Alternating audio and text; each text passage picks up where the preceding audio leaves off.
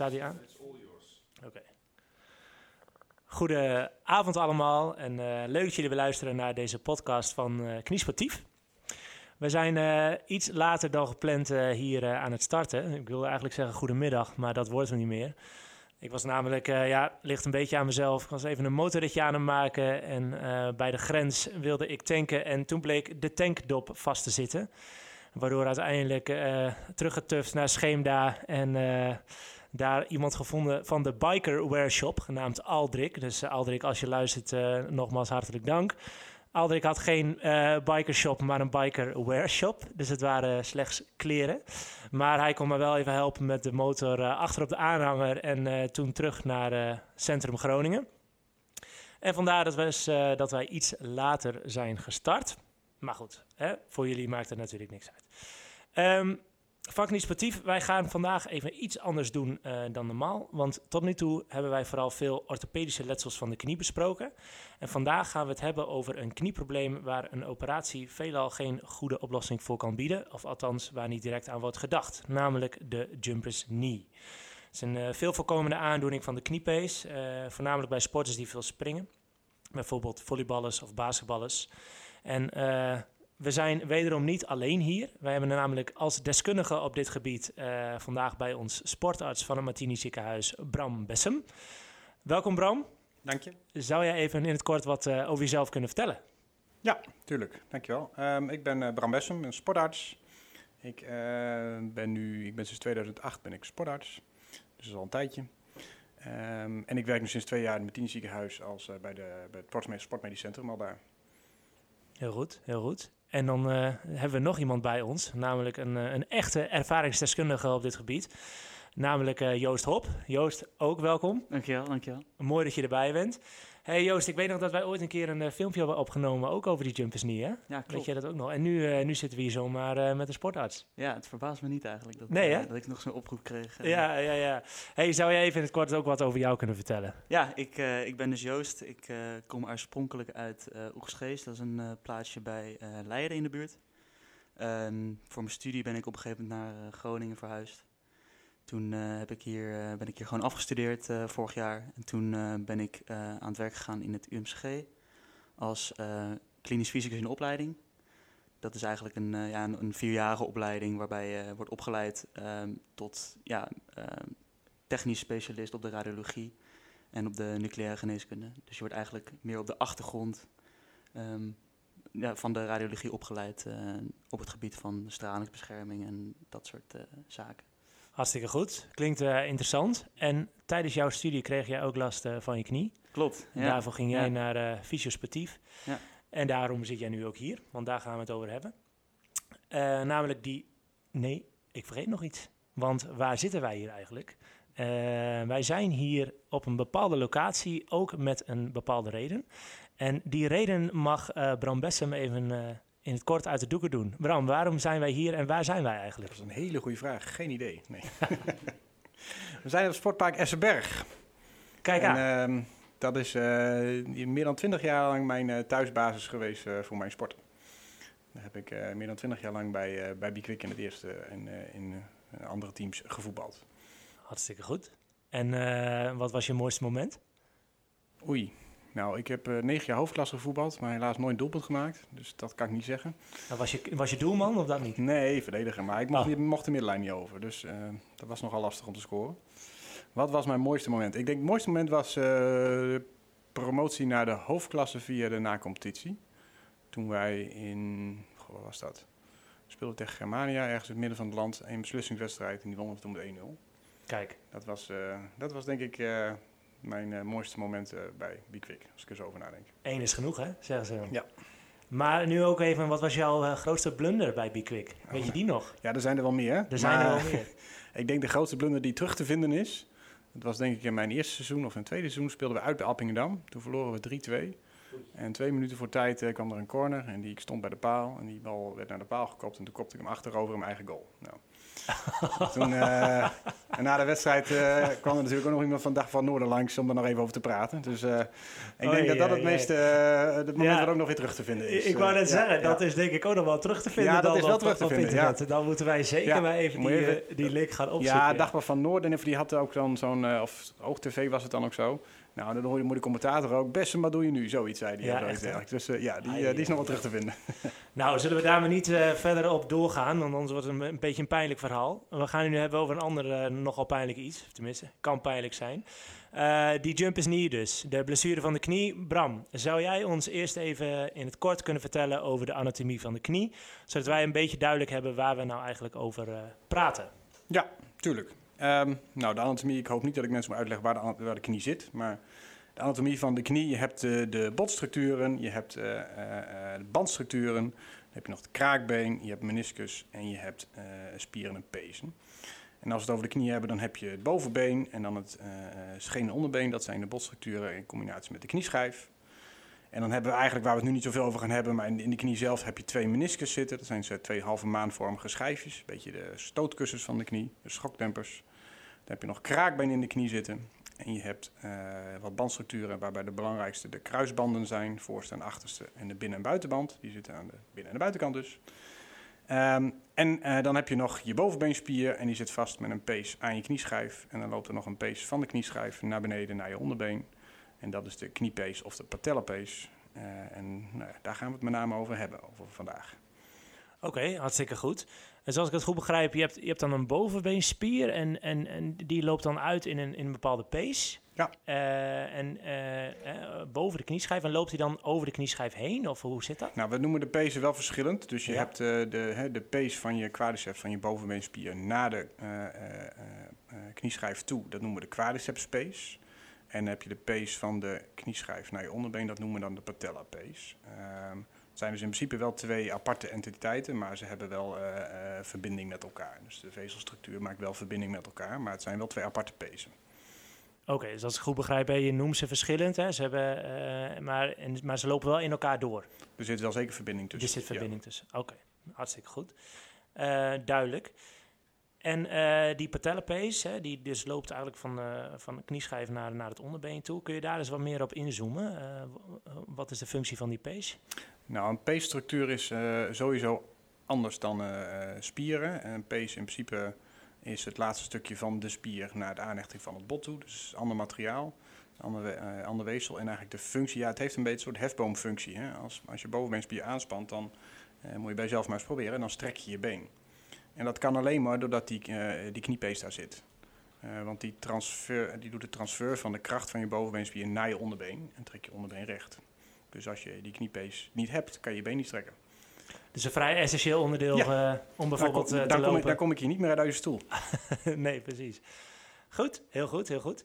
Ehm, en dan krijgen mensen daar dus wel eens last van. Hè? En eh, wat, wat gebeurt er dan? Zo'n zo'n jumpers knee. Want ja, het is springersknie dan in het Nederlands eh, vrij vertaald. Eh, wat is er dan precies met die pees aan de hand? Ja, ehm, eh, een springersknie, als we het inderdaad even op zijn Nederlands houden, is in principe kort door de bocht een overbelastingsprobleem van de aanhechting van die kniepees op de knieschijf. En je moet dat in hetzelfde kader zien als een hielspoor of een tenniselleboog of een golferselleboog. Of nou, zo zijn er nog meer peesproblemen. Het is hetzelfde principe, alleen een andere, andere pees.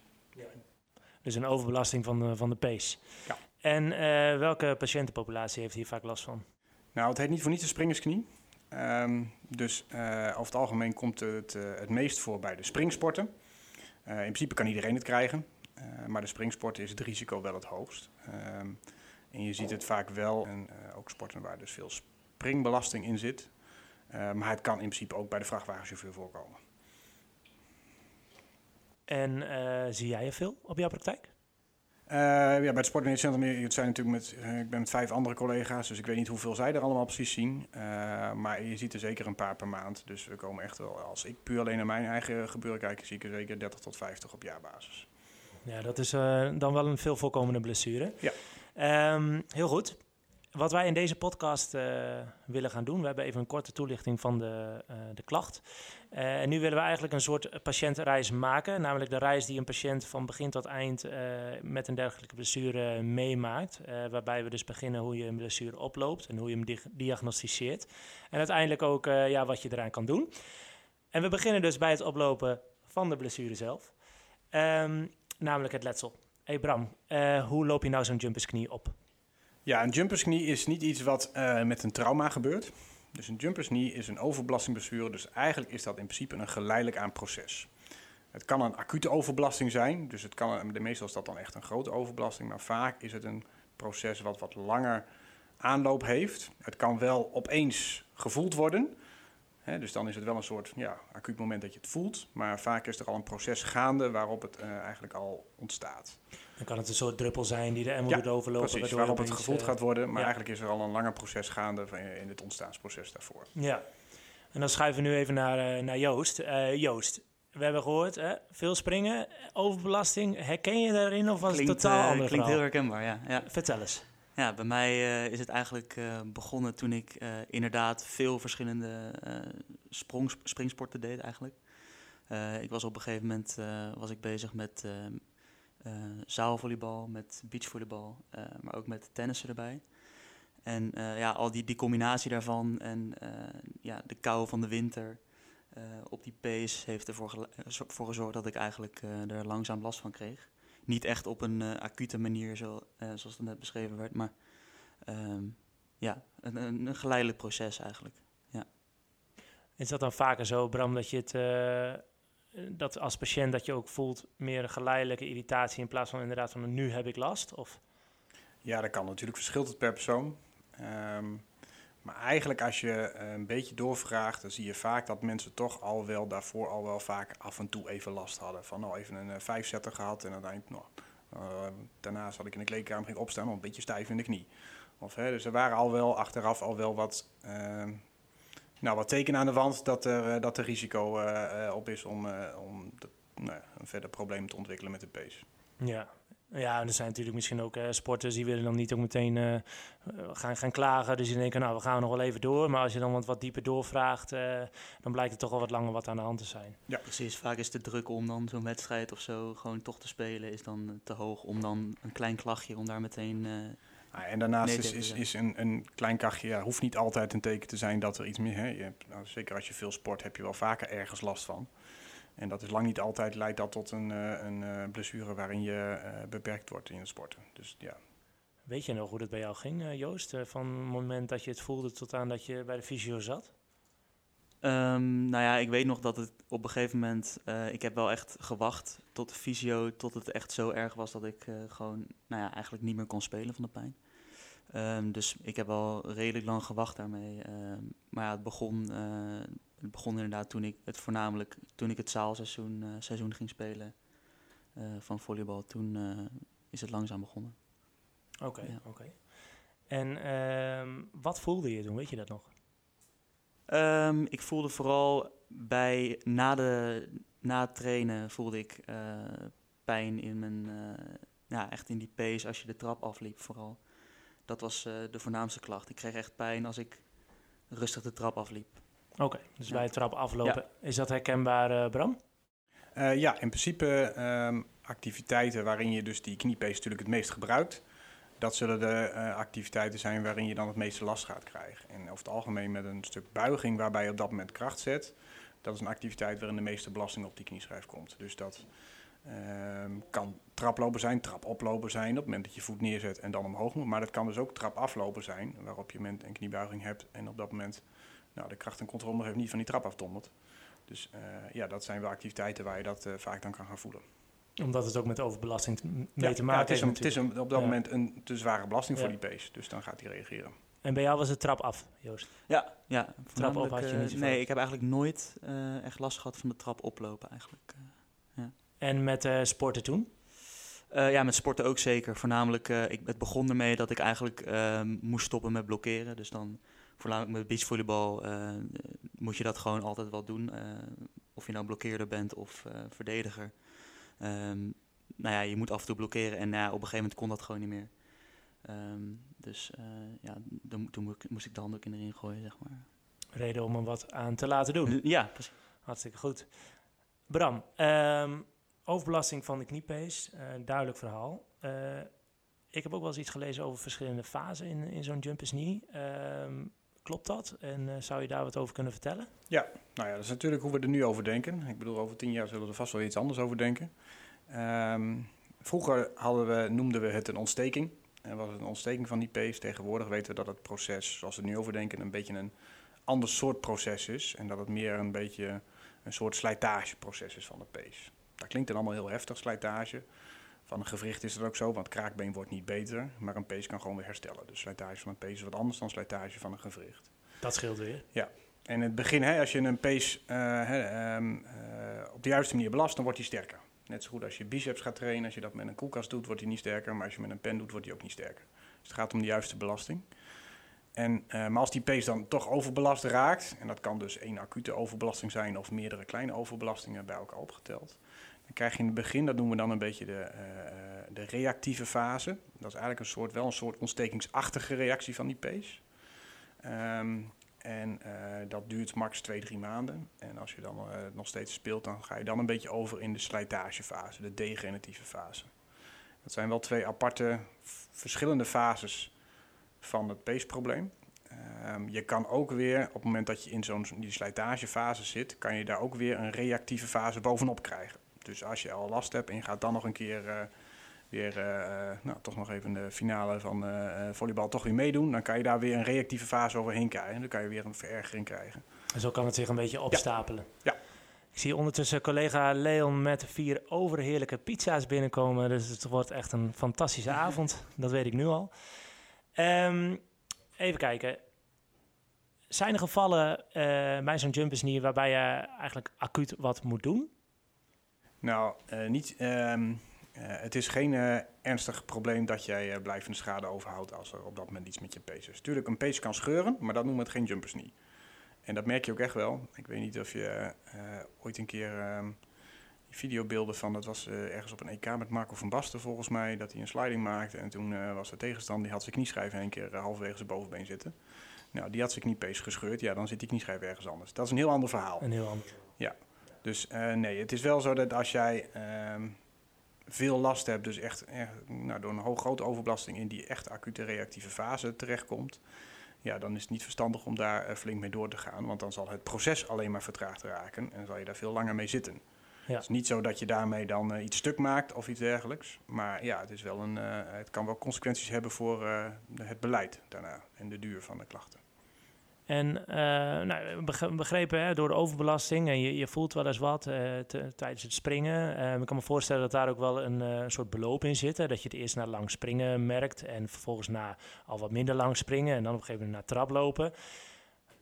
Dat is best lastig voor iemand die dat heeft. Wanneer moet hij er nou mee heen? Wat zou jij adviseren? Ja, dat is een hele lastige. Dat weten we natuurlijk ook niet zo heel goed eh, van. Want ja, al die mensen die dat hebben en niet bij de dokters komen of bij de fysiotherapeut, ja, die hebben wij niet in beeld.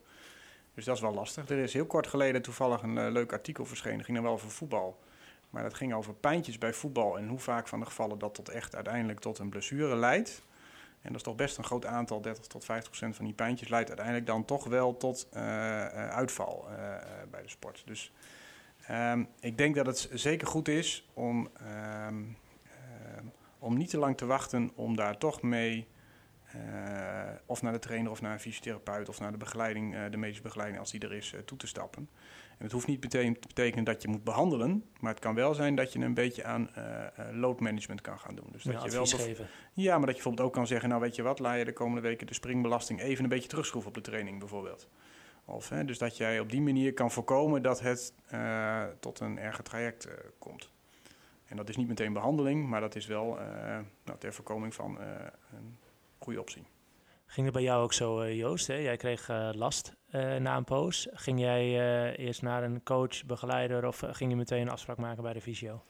Eh, ik ben als eerste ben ik naar de huisarts gegaan. eh, en die heeft me toen doorverwezen naar de fysio eigenlijk. Ja. Met als diagnose jumpers niet of als diagnose kijken wat er aan de hand is? Ehm, toen heb ik nog geen diagnose gekregen volgens mij. Eh, toen zei hij van, ehm, dat weet ik trouwens niet meer zeker. Maar volgens mij heeft hij gezegd, hier kan ik niet echt wat aan doen. Eh, de fysio, eh, ga maar naar de fysio, kijken wat die ervan eh, van vindt. Ja. Ehm, maar volgens mij heb ik geen, geen echte diagnose jumpers niet gekregen toen. Oké. Nee. Dat duurde nog even. Dat duurde nog even. Dat duurde nog even. Ik had nog even ultrasound voor nodig. Ja, precies. Ja, komen we nog op. Komen we nog op. Dat is een mooie, mooie overgang inderdaad naar het volgende kopje waar wij eh, eh, heen gaan. Namelijk de diagnostiek. hè. Eh, hoe beoordelen wij of er sprake is van een jumpers knee? Eh, Bram, zou jij ons eens mee willen nemen in wat er gebeurt als iemand met een dergelijke knieklachten bij jou komt? Hoe, hoe gaat dat?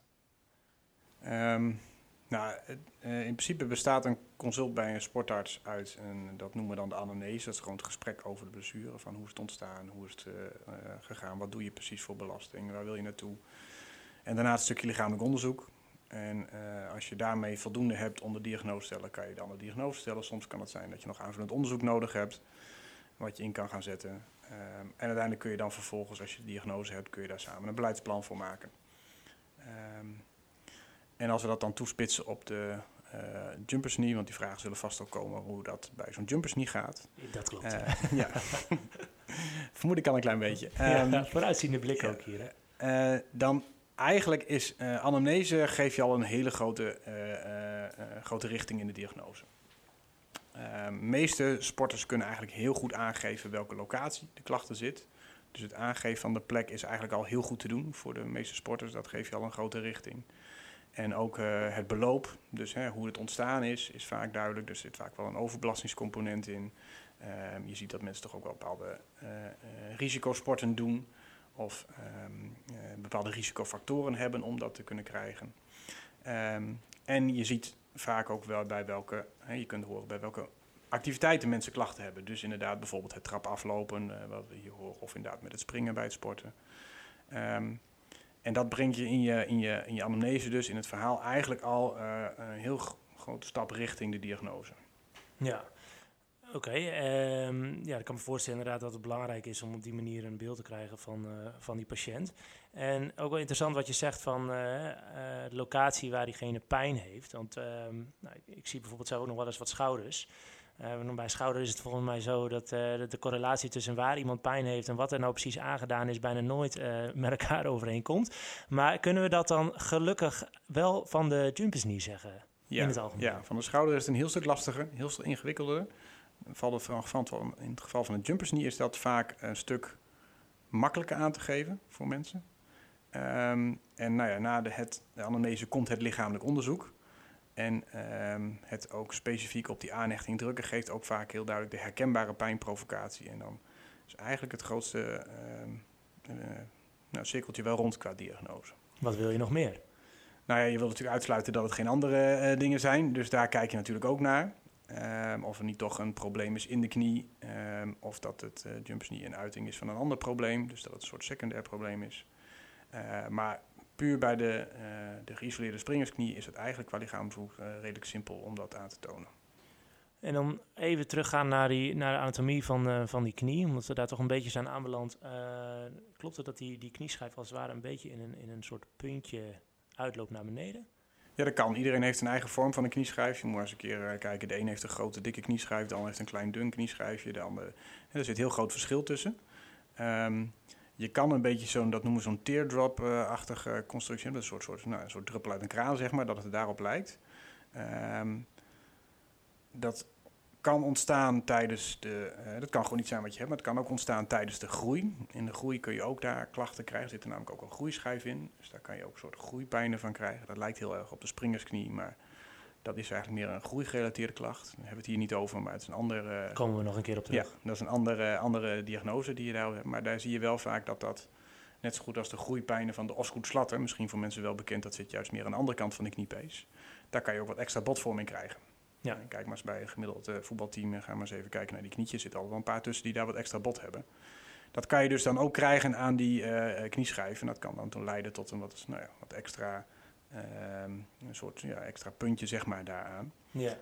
Um, maar in principe uh, uh, is dat niet per definitie een teken dat er dus ook sprake is van een springsknie. Nee. Oké. Okay. En eh, die, de pijn die je, dan, die je dan omschrijft en die mensen voelen, die kun je dus provoceren, wat je zegt ook tijdens het lichamelijk onderzoek. En dan, dan moet je een beetje zijn aan de onderkant eh, van de Ja, ik, ik hoor wel eens mensen over de apex patella. Ja, zo noemen we dat eh, in dokterstermen, ja. Eh, maar wat je kan doen is, ehm, eh, nou dat is voor jezelf lastig, maar als iemand anders het lichamelijk onderzoek doet doen, wat je kan doen is als je aan de bovenkant van de knieschijf eh, die knieschijf wat naar beneden drukt, dan komt die aan de andere kant een klein beetje omhoog. En dan kun je er dan een mooi een beetje net eh, op die rand, onder die rand, kun je lekker even... eh, Een beetje vroeten. Ja, precies, een beetje vroet. En als mensen dan eh ziet grimassen, dan denk je, yes, ik zit Ja. goed. En dan eh, druk je nog even een keer om te vragen wat echt die pijn daar Ja, is. Dus, En voor dan, zekerheid nog een derde keer. ja, en gewoon dan, weer voor jezelf. Ja, nog een derde keer. ja, Ja, hartstikke goed. Als je maar kan verantwoorden. Ja, belangrijk altijd wel eens niet vergeten dat je ook even vraagt of het de pijn is. Want als, als ik me hard genoeg druk, doet vanzelf een keer ergens iets pijn. Maar het gaat natuurlijk wel om de klachten die mensen kunnen herkennen. En ik neem dan inderdaad aan ook de links-rechts vergelijking. Ja, alhoewel je ziet dat bij een springersknie de kans dat je het beide zijds hebt ook wel wat, eh, wat groter is. Dus het kan best zijn dat je daar beide zijds last van hebt. Of dat de andere kant ook gevoelig is daarin. Oké, dus het belangrijkste is herkenbare pijn. Ehm, en dan heb je, heb je dus, eh, dus je onderzoek gedaan. Eh, is het dan nog wijs om bijvoorbeeld een echo te maken van zo'n knie? wordt veel gedaan. Ehm, in principe zet ik eh, alleen aanvullend onderzoek in bij een, eh, een springersknie als ik eh, andere dingen wil uitsluiten. Dus als ik een andere diagnose wil uitsluiten. Bijvoorbeeld stel ik wil uitsluiten of er toch bijvoorbeeld een kraakbeenschade achter de knieschijf is. Ehm, omdat je, nou, dat die, die kunnen opspelen bij dezelfde activiteiten. Ehm, dat zou een reden kunnen zijn bijvoorbeeld om een MRI te maken of iets dergelijks. Een echo kan je maken van een pace. En daar kan je best afwijkingen op zien. Maar één, het heeft geen invloed op je beleid. Want je beleid wordt er niet anders van. Ehm, twee, is het ook zo dat je de hoeveelheid afwijkingen die je ziet... niks zegt over de ernst van de aandoening. En andersom, als je geen afwijkingen ziet... wil dat niet zeggen dat er geen springersknie is. Eh, in, nou, de precieze getallen wisselen wel wat... maar in de 30 tot 50 procent van de gevallen... eh, eh, hoef je helemaal geen afwijking te zien...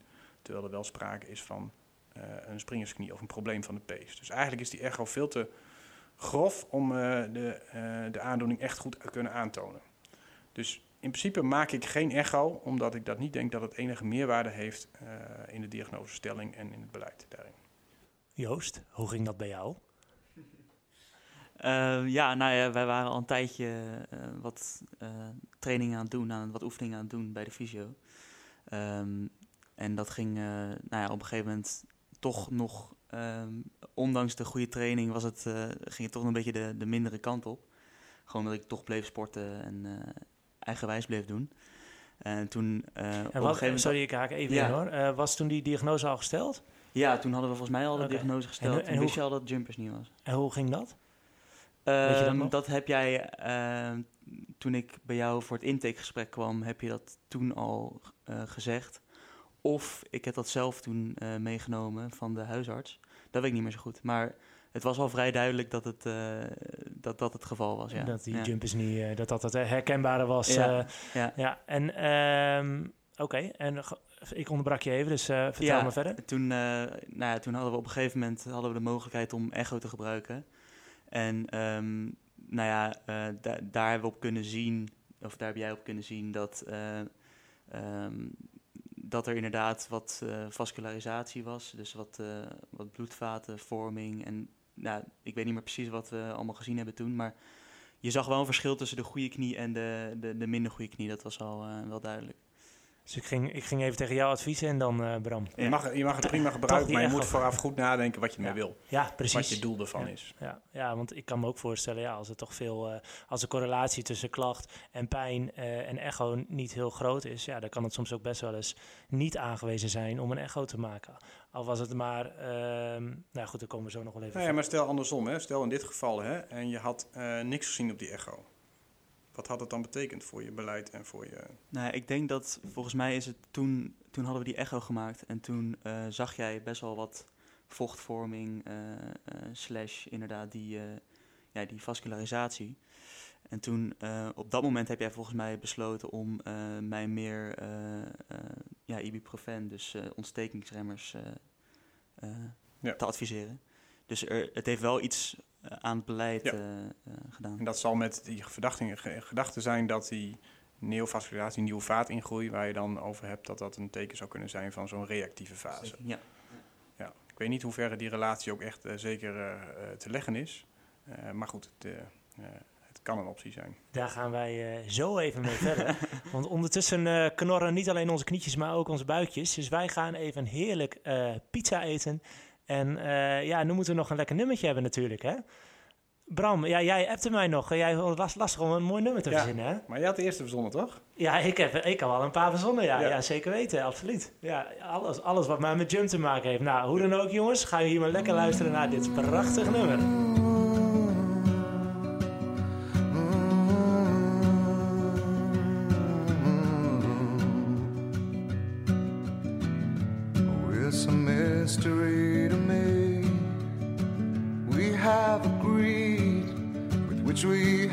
Have agreed. And you think you have to want more than you need. Until you have it all, you won't be free.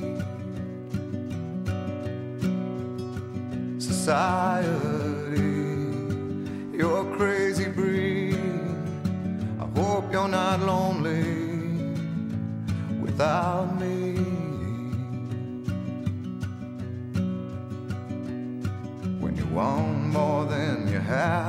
think you need. And when you think more than you want, your thoughts begin to bleed. Maar dat maakt niet uit. Think I need to find a bigger place.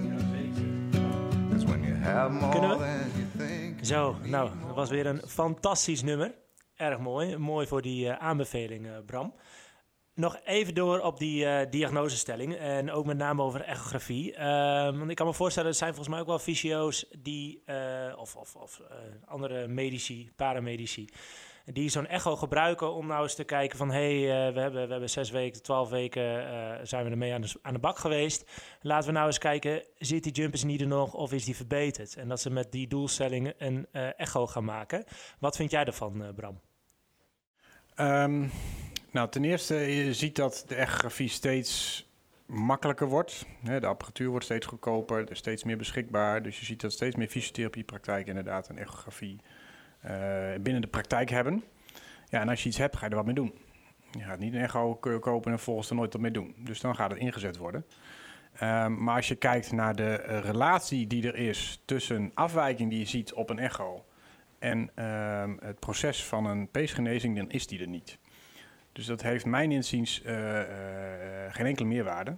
Het kan denk ik zelfs in sommige gevallen eerder averechts werken dan dat het eh, eh, positieve uitwerking heeft. Want, stel want eh, in principe moet je afgaan op de klachten die iemand heeft. Dus de, puur de reactie van de eh, knie op de belasting is jouw graadmeter van hoe staan we ervoor qua revalidatieproces.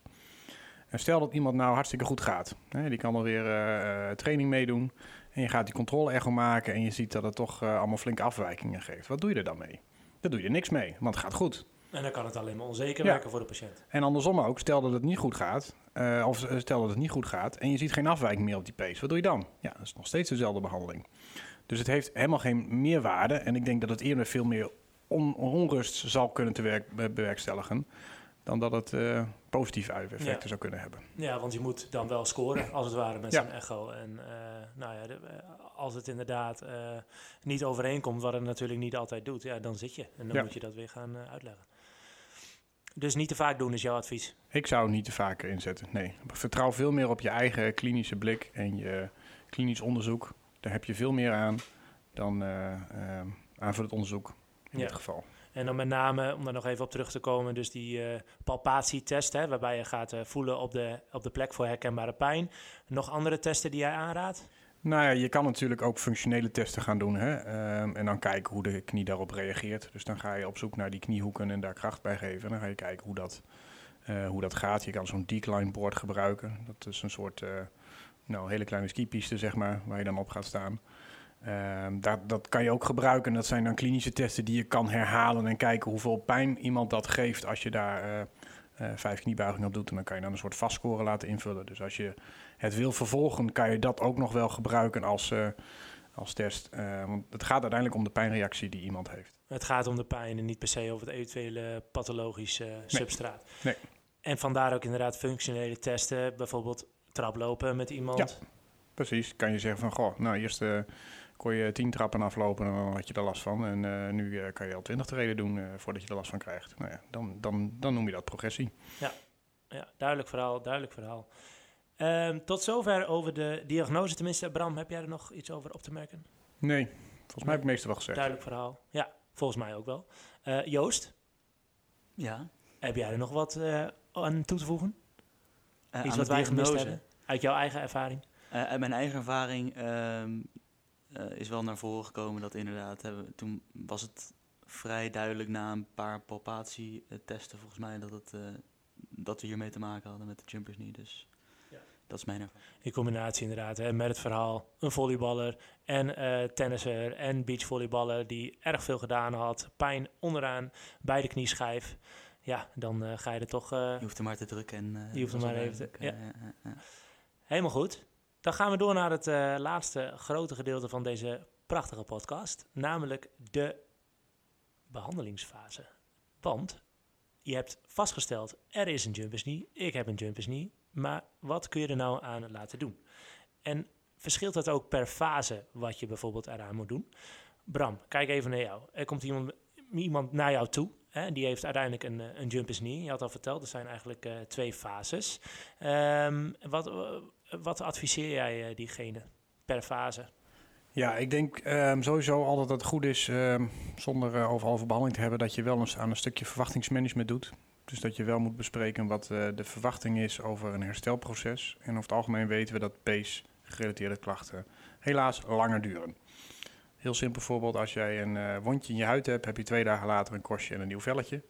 En als je zoals Arjen Robben eh, met een hakje je hamstring inscheurt, dan heb je zes weken later nieuwe hamstringvezels. Maar als jij je Achillespees afscheurt, dan heb je negen maanden later nieuwe Achillespeesvezels. Dus zo'n Achillespees is een pees kan regenereren, maar dat proces is vele malen trager dan dat het van spieren bijvoorbeeld is. Dus een stukje verwachtingsmanagement lijkt me eh, eh, eigenlijk het eerste waar je mee gaat beginnen. Ehm, en qua behandeling zijn er eh, een scala aan behandelingen die mogelijk zijn. Even om jouw vraag over die verschillende fases. Er zit wel een beetje verschil tussen de reactieve fase en de degeneratieve fase. En ik had ook nog gezegd dat er ook nog een reactieve fase op een degeneratieve fase kan zijn.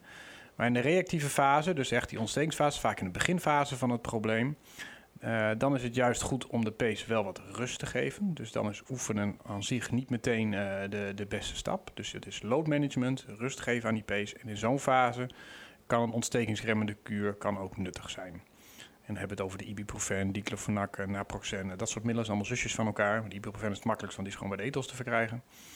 En dan kan je dan in een kuurvorm doen van een eh, week of tien dagen, zoals je dat eh, eh, ook met antibiotica zou kunnen doen. En dat kan in die fase kan dat nog hele nuttige bijdrage geven. En is het dan in de fase twee tot drie maanden na eh, de eerste klacht? Globaal kun je dat inderdaad een beetje in een tijdspad eh, zien. Het is inderdaad in de beginfase van die klacht of als er een hele duidelijke verergering is van de klacht. Hè, dat je weer een reactieve fase op al een bestaand proces krijgt. En dat was bij jou ook het geval, denk ik, dan Joost. Want jij had natuurlijk al langer last van. Maar het werd wel erger. Ja, ehm, volgens mij zijn wij eh, toen ik binnenkwam wel vrij snel begonnen met oefeningen, als ik me kan herinneren. Heel voorzichtig, eh, weet ik nog. Dus eerst uh, loopoefeningen, alleen maar een beetje buigen op zo'n uh, skipiste idee. Met, met een touw vasthoudend erbij. Dat waren de eerste dingen die we voorzichtig deden, volgens mij. Um, en toen, ja, we hebben later nog wel ibuprofen geprobeerd ook. Ja, want die oefeningen, dat ging niet heel goed. Um, nou, ik merkte al wel vrij snel uh, verbetering, maar zoals je zegt, mijn verwachtingsmanagement was misschien niet helemaal goed. Waardoor ik uh, nou ja, iets te snel weer dacht, uh, ja, ik kan ook wel nog een beetje sporten erbij. Ik denk dat het beste is dat je inderdaad tegen jezelf zegt, ja, nu kan het gewoon op dit moment niet. Uh, en uh, nou ja, als ik dat beter tegen mezelf had gezegd toen, dan uh, had het misschien ook minder lang geduurd dan die twee jaar dat het nu uiteindelijk heeft gekost. Of een fysio die het jou duidelijker maakt natuurlijk. Of dat inderdaad. Dat kan natuurlijk ook. Oké, okay, dus als het ware, jij had, je had last en je had ook wat langer last. Dus toen is niet gekozen voor die reactieve behandeling met ibuprofen, maar nee. rustig begonnen met oefeningen. Dat ging toen goed. Eh, toen ben je toch een beetje de, de, de klauwen van de fysio ontglipt en heb je op eigen houtje wat oefeningen gedaan of eh, wat sporten gedaan. Ja, En toen merkte je, wacht, het gaat even weer helemaal mis. En Ja. toen, toen zijn we echt begonnen dat we dachten van, wacht, we moeten nu even eh, bijstellen. En, Ja, hier is wel goed om eerst bij te zeggen nog dat ik... Allereerst had ik last in mijn rechterknie. Daar begon het mee. Toen had ik inderdaad, ging dat wat beter. Het ging weer wat sporten. Toen werd het weer erger in mijn rechterknie. En toen, nou ja, toen bleef ik maar gewoon zonder sport en bleef ik alleen maar naar de fysio gaan. Toen ging dat helemaal beter eigenlijk. Eh, niks meer, nooit meer last gehad van mijn rechterknie. En toen ehm, ging ik dus gewoon weer sporten. En toen eh, op een gegeven moment eh, was ik weer bij jou voor de linker. dus toen was het eigenlijk ja, daarin geschoten. en dat gaf jij ook al aan, hè Bram? Het kan vaak Ja, twee kanten. En, en dat, waar het in zit, weten we niet. Ehm, er zijn een aantal risicofactoren die eh, kunnen bijdragen aan het ontstaan van peesproblemen. Daarmee wil ik zeggen dat het niet de reden is waarom het ontstaat, maar een risicofactor kan zijn. Eh, dat kunnen bepaalde medicaties zijn. De meest bekende zijn cholesterolverlagers, die, eh, de statines, die kunnen een verhoogd risico geven op peesproblemen. Eh, bepaalde aandoeningen, suikerziekte, reumatische aandoeningen, schildklierproblemen geven ook verhoogd risico op peesproblemen. Belasting speelt daar dus een duidelijke rol in. Zoals ik al zei, het heet niet voor niets een springersknie. Dus ja, de, de, de belasting speelt er een duidelijke rol in. Maar ook een bepaalde aanleg kan een rol in spelen. En dat kan ook een bepaalde genetische aanleg zijn. Het kan in families voorkomen, het kan ook bij een individu voorkomen. Dat toch sommige mensen gewoon gevoeliger zijn om het ontwikkelen van peesproblemen. Ehm, en heb je nog leefstijldingen als overgewicht en roken kunnen ook verhoogd risico geven.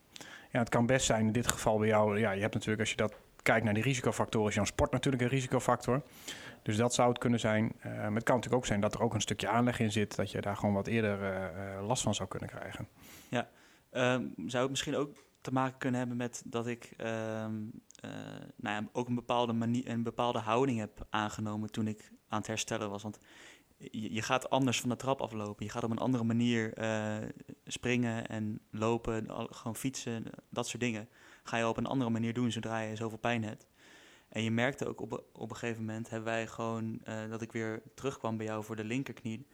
Toen eh, heb jij gewoon alleen al dus mijn bovenbeenspier gemeten, weet ik nog. En toen eh, zag je gewoon duidelijk een verschil in, in omvang. Dat je gewoon echt duidelijk ziet van, nou, in die rechterknie, nee, je hebt gewoon alles opgevangen met je linkerknie.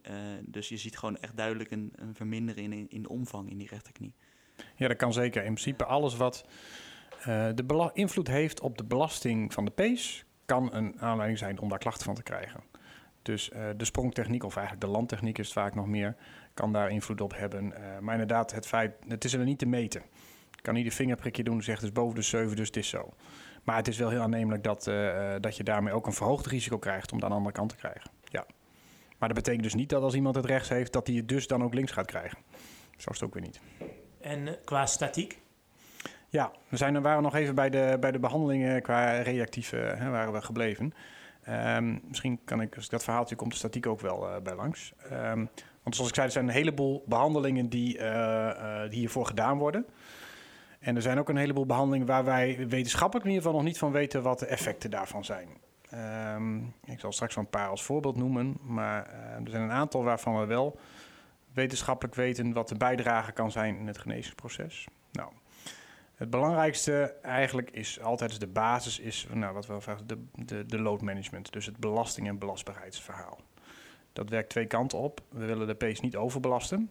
Ehm, dus die pijnreactie moet je wel als graadmeter gebruiken voor, voor wat je kan doen met die pees. Maar we willen de pees ook niet onderbelasten. Dus een underload is eigenlijk ook niet de bedoeling. Dus als ik jou nou eh, vier weken op strand op Aruba zou neerleggen, dan heb je niet zo heel veel last van die pees. Maar de kans dat je bij je terugkomst, bij hernieuwde sport, weer opnieuw last krijgt van die pees, is heel erg groot. Want die pees heeft ook geen prikkels gehad om beter te worden. Dus eh, belastingsmanagement wil eigenlijk zeggen de belasting terugschroeven naar dat niveau dat nog acceptabel is voor de pees, zonder te veel reactie. Heb je daarbij een gouden regel die je hanteert? Ehm, nou, wat je kan doen, sommige mensen vinden dat heel lastig, en, ehm, eh, is dat je, je een pijnscore hanteert. Dus dat je je pijn gaat scoren op een schaal van 0 tot 10. En dan zeg je een beetje 3, soms 4, een beetje afhankelijk van de persoon, is een beetje de grens. En dat gaat het om de pijnreactie tijdens, maar ook de pijnreactie na de belasting. En dan de tweede regel die je daarbij kan hanteren is dat je pas weer de belasting mag doen als de pijn weer hersteld is. Dus stel je zou vanavond gaan volleyballen en voor het volleyballen heb je een pijn 1. Dan willen we pas dat je weer opnieuw gaat volleyballen als je pijn weer terug is bij niveau 1.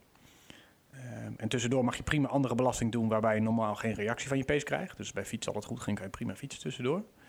Maar dan pas wel weer gaan belasten op het moment dat die pijn dus weer hersteld is. Ja, dus pijn eigenlijk als aanwijzende factor. Ja, maar dat is soms heel lastig, uh, omdat het is wel makkelijk gezegd zo even, je pijn even scoren en uh, nou, dan uh, kom je er allemaal uit. En dat is best moeilijk. Ja, want het is heel subjectief natuurlijk. Ja, um, maar de andere kant van het verhaal is, als iemand naast jou de hele tijd moet zeggen wat je wel en wat je niet mag, uh, dan blijf je eigenlijk heel erg afhankelijk van die persoon om te bepalen wat kan en wat niet. En dan uh, is de kans dat op het moment dat het weer goed gaat, dat je toch snel weer je grens overheen gaat, omdat je dat toch zelf niet hebt leren doen, uh, heel groot. Dus het ideale plaatje is wel dat je daar zelf juist zoveel mogelijk controle over leert krijgen. En je signalen van je lijf leert interpreteren. Vond jij dat lastig, Joost? Um, nou, ik, ik denk wel, ik, ik heb wel het idee dat ik elke keer als ik um, weer lang oefeningen aan het doen was, dat ik wel zelf de, de, de neiging kreeg om te bepalen wanneer het weer kon. Um, en ik denk dat ja, dat, dat ook wel, uh, wel goed werkte. maar ja, op een gegeven moment ja, kreeg je toch weer, toch weer ergens last van. En dan. dan, uh, een beetje trial and error. Ja, precies. Op een gegeven moment heb je wel eens meer door. Van, je leert er wel echt mee leven van wanneer krijg je, er, krijg je er feeling voor, wanneer het weer kan en niet. Ja, dan sowieso een revalidatietrek is natuurlijk niet één uh, strakke lijn uh, naar boven. Je hebt altijd ups en downs. Want in principe probeer je zoveel mogelijk te belasten. Dus dat betekent dat je richting de grens gaat wat die kan hebben. En dat zal dus ook betekenen dat je af en toe eroverheen gaat. Maar dat is wel een manier om je grens weer te leren kennen. Van, oh ja, dat was net even wat te veel. En dan kan je op die manier je grens weer een beetje bijsturen. En is het dan erg als je, als je over die grens gaat? Krijg je dan uiteindelijk meer uh, um, uitstel van, uh, van herstel? Of, uh, nee, nou kijk, als ik um, zeg, weet je wat, ik ga het wel beter. Ik ga even nou een toernooitje meedoen en ik ga meteen tien wedstrijden achter elkaar vijf sets volleyballen. Dus een extreme overbelasting, ja, dan ben je weer helemaal terug bij af en dan kan je weer helemaal opnieuw beginnen. Dus daarom is het wel belangrijk om die stapjes klein te maken. Dat als je dus een overbelasting hebt, dat het niet meteen een grote overbelasting is. Maar je maakt niks stuk met een overbelasting. Dus uh, als je dan die belangrijke wedstrijd hebt van ja, ik weet dat ik last moet krijgen, maar we gaan wel of geen kampioenschap, dan ja, je mag hem prima doen, want je maakt er niks stuk mee. Maar het zal wel weer even een, een hobbel zijn in het revalidatieproces. En je zult weer even een beetje teruggeworpen worden uh, in dat proces. En als je dus kleine overbelastingen doet, uh, dan, dan zal je niet heel ver teruggeworpen worden. Maar hoe groter de overbelasting, hoe, nou ja, hoe meer impact dat zal hebben op je revalidatieproces. Dus we hebben tot nu toe besproken, eh, inderdaad, uh, bij de reactieve fase, als het plotseling is, van eerst piepbelasting eraf, uh, eventueel ibuprofen om de ontstekingsreactie wat te verminderen. En wat heel belangrijk is, uh, voorlichten van de patiënt dat peesgerelateerde blessures vaak niet heel snel overgaan. In combinatie, met load management.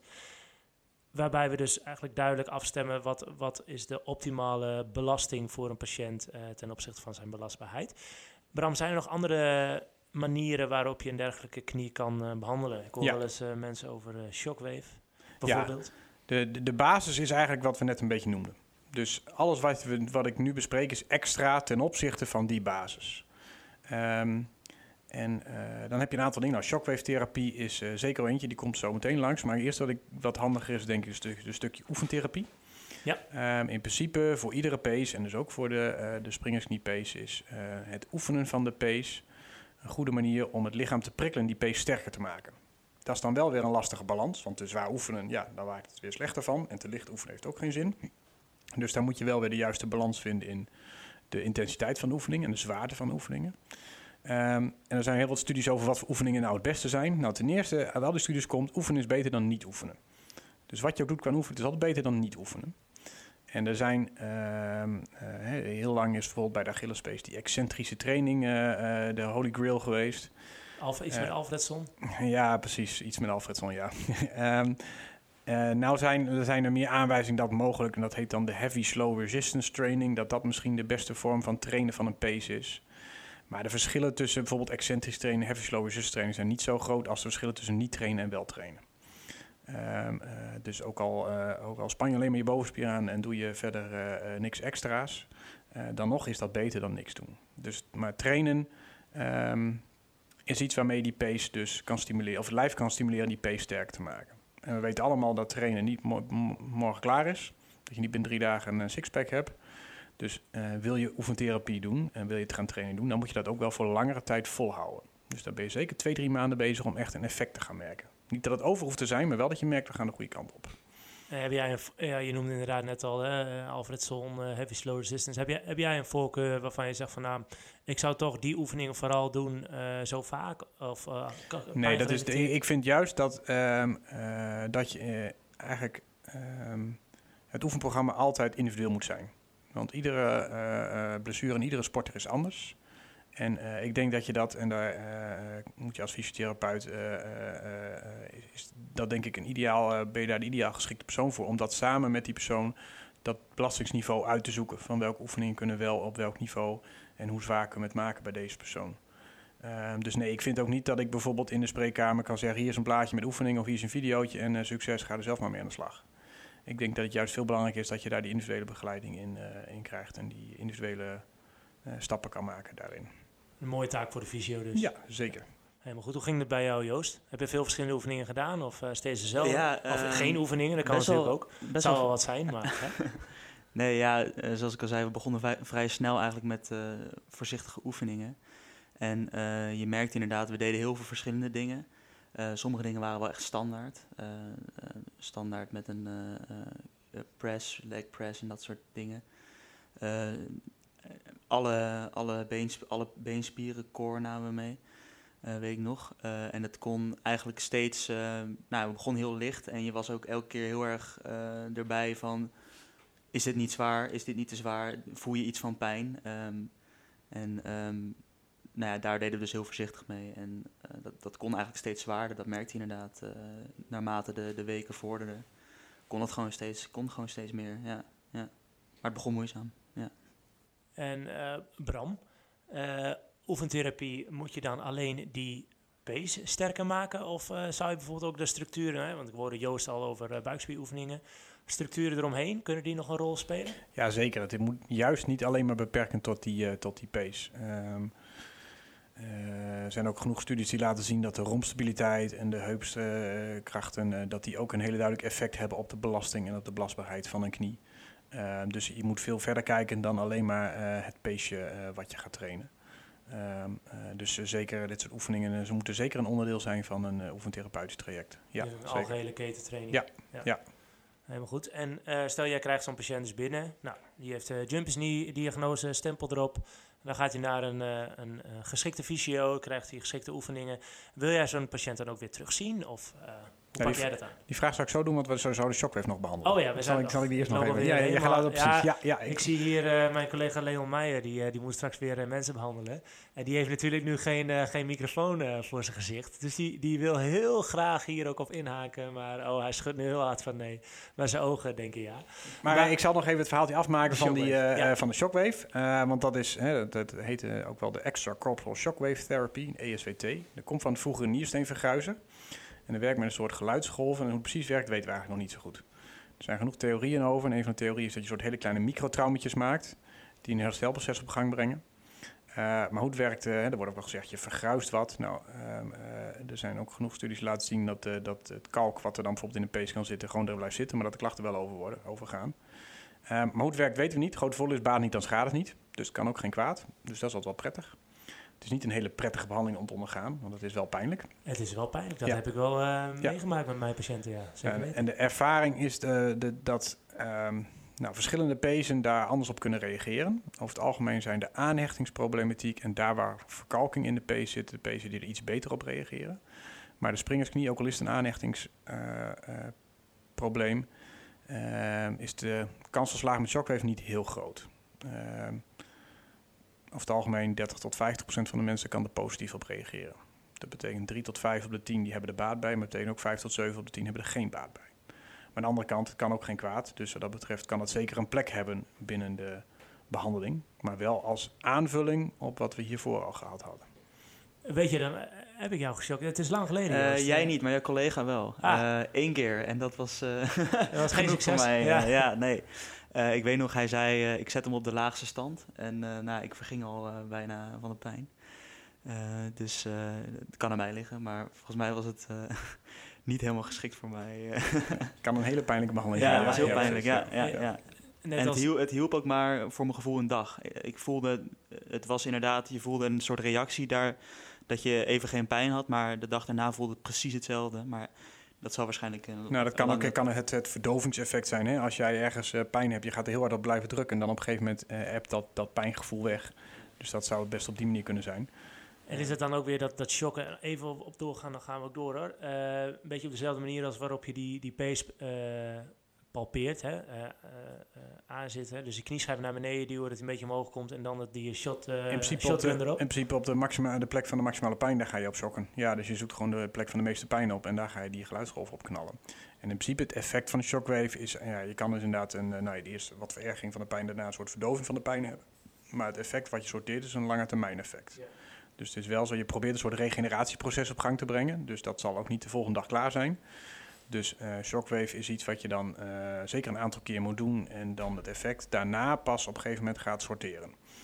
Eh, maar daarom kan het een toevoeging zijn aan. Maar is het mijn inziens niet de hoofdbehandeling. En dan hadden we nog dat friedeltje wat... eigenlijk, en ja, dan heb je nog die ontstekingsremmer, daar hebben we het over gehad. En vroeger deden we ook overal een prik in, want het was toch een ontsteking. Nou, dat doen we eigenlijk niet meer met pezen. Ehm, het enige wanneer er nog een, ehm, een slijmbus bij betrokken is, dan kan soms een injectie nog nuttig zijn. En dan met name gericht op die slijmbus. Voor de rest doen we eigenlijk prikken niet meer. Er zijn heel veel studies die laten zien dat als je gaat prikken, ehm, dat je na zes weken misschien iets beter af bent dan de mensen die dat niet gehad hebben. Maar dat je na drie maanden slechter af bent dan mensen die niks gedaan hebben. Dus prikken over het algemeen eh, doen we zelden tot nooit meer. Een epte.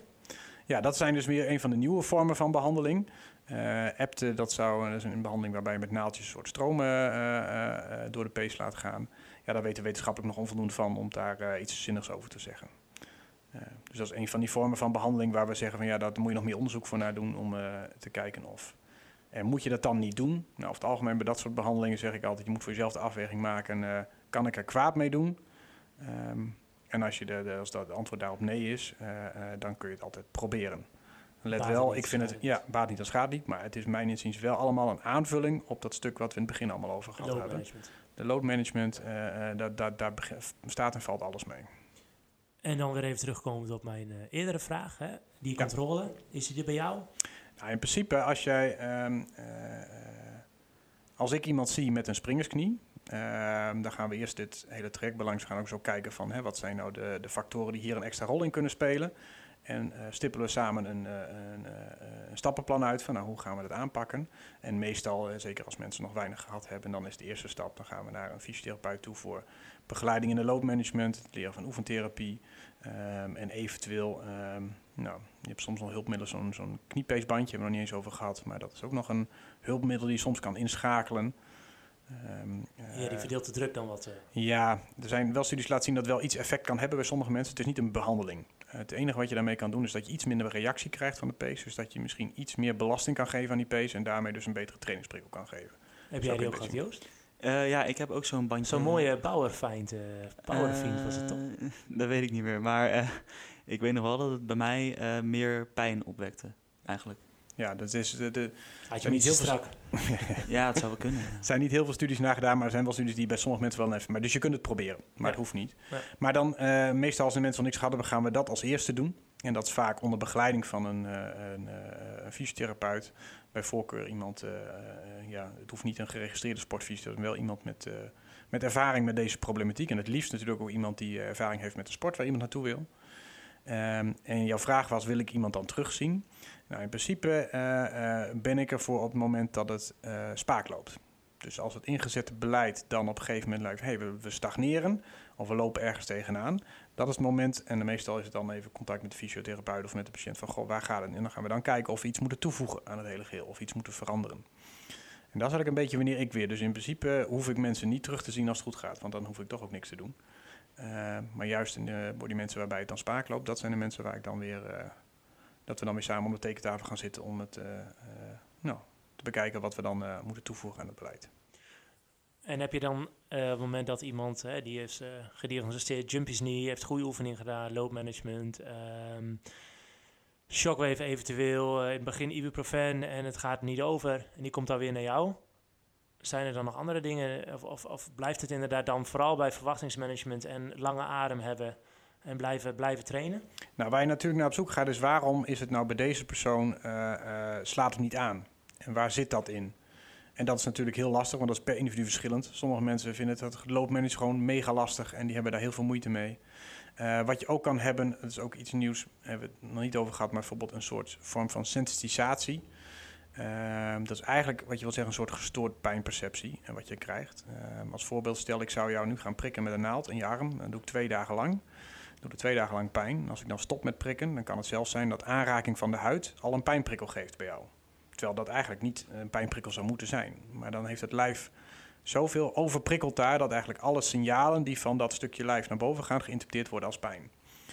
En uh, mensen die langdurig pijnklachten hebben, kan dat ook een onderdeel van het probleem worden. En als we dan op zoek gaan naar dat naaldje, ja, die hoeft er al lang niet meer te zijn. Uh, maar dat vergt dus een andere benadering. Uh, dus dat is ook iets waar je naar kan kijken. Ehm, en bijvoorbeeld een, een psychosomatische fysiotherapeut. er zijn fysiotherapeuten die daar wat meer gespecialiseerd in zijn, dus die kun je dan eens een keer mee laten kijken. Ehm, je gaat kijken naar als, nou ja, als je geen echte behandelbare grootheden meer kan vinden die hier aan bijdragen, dan kan je dus toch gaan kijken naar de wat minder bewezen uh, behandelopties die je dan uh, zou kunnen proberen. Dus zo'n app bijvoorbeeld of dat soort dingen. Maar over het algemeen, uh, ja, meestal is het toch een, een, een, een, een, in de basis vaak een probleem met die load management. En, ja. Een compleet verhaal dus. Ja, maar niet, het is eigenlijk een relatief simpele diagnose, maar ja, het beleid kan best lastig zijn. Kijken. En wanneer is het echt klaar? als iemand weer dat kan doen wat hij wil doen. Joost?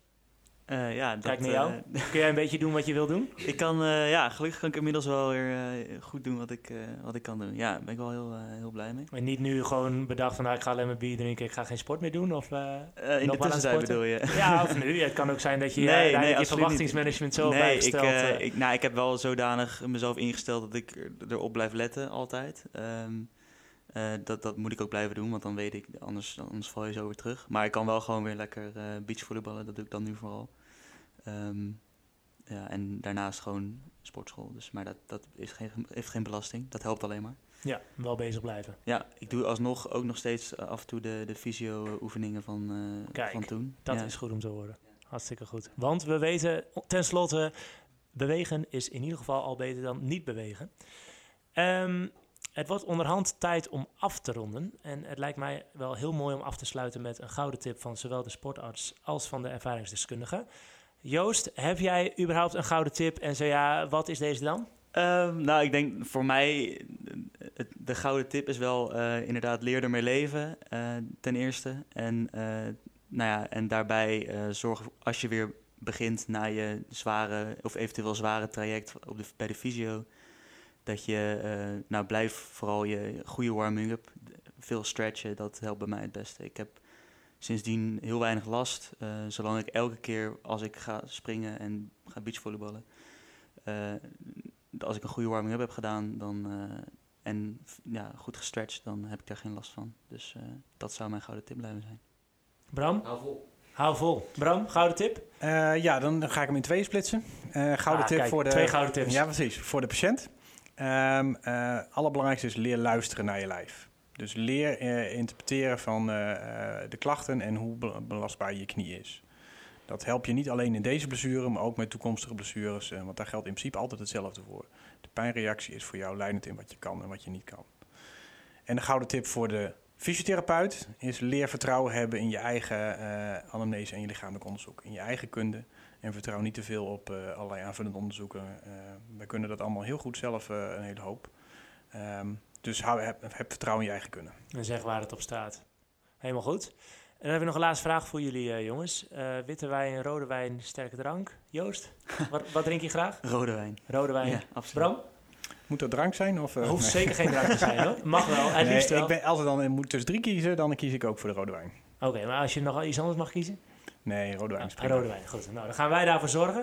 Um, en met deze tips sluiten wij dus ook af. Uh, ik wil namens Kniesportief heel hartelijk bedanken de mensen die hier aanwezig hebben willen zijn. Bedankt Joost, bedankt Bram om deze podcast mogelijk te maken.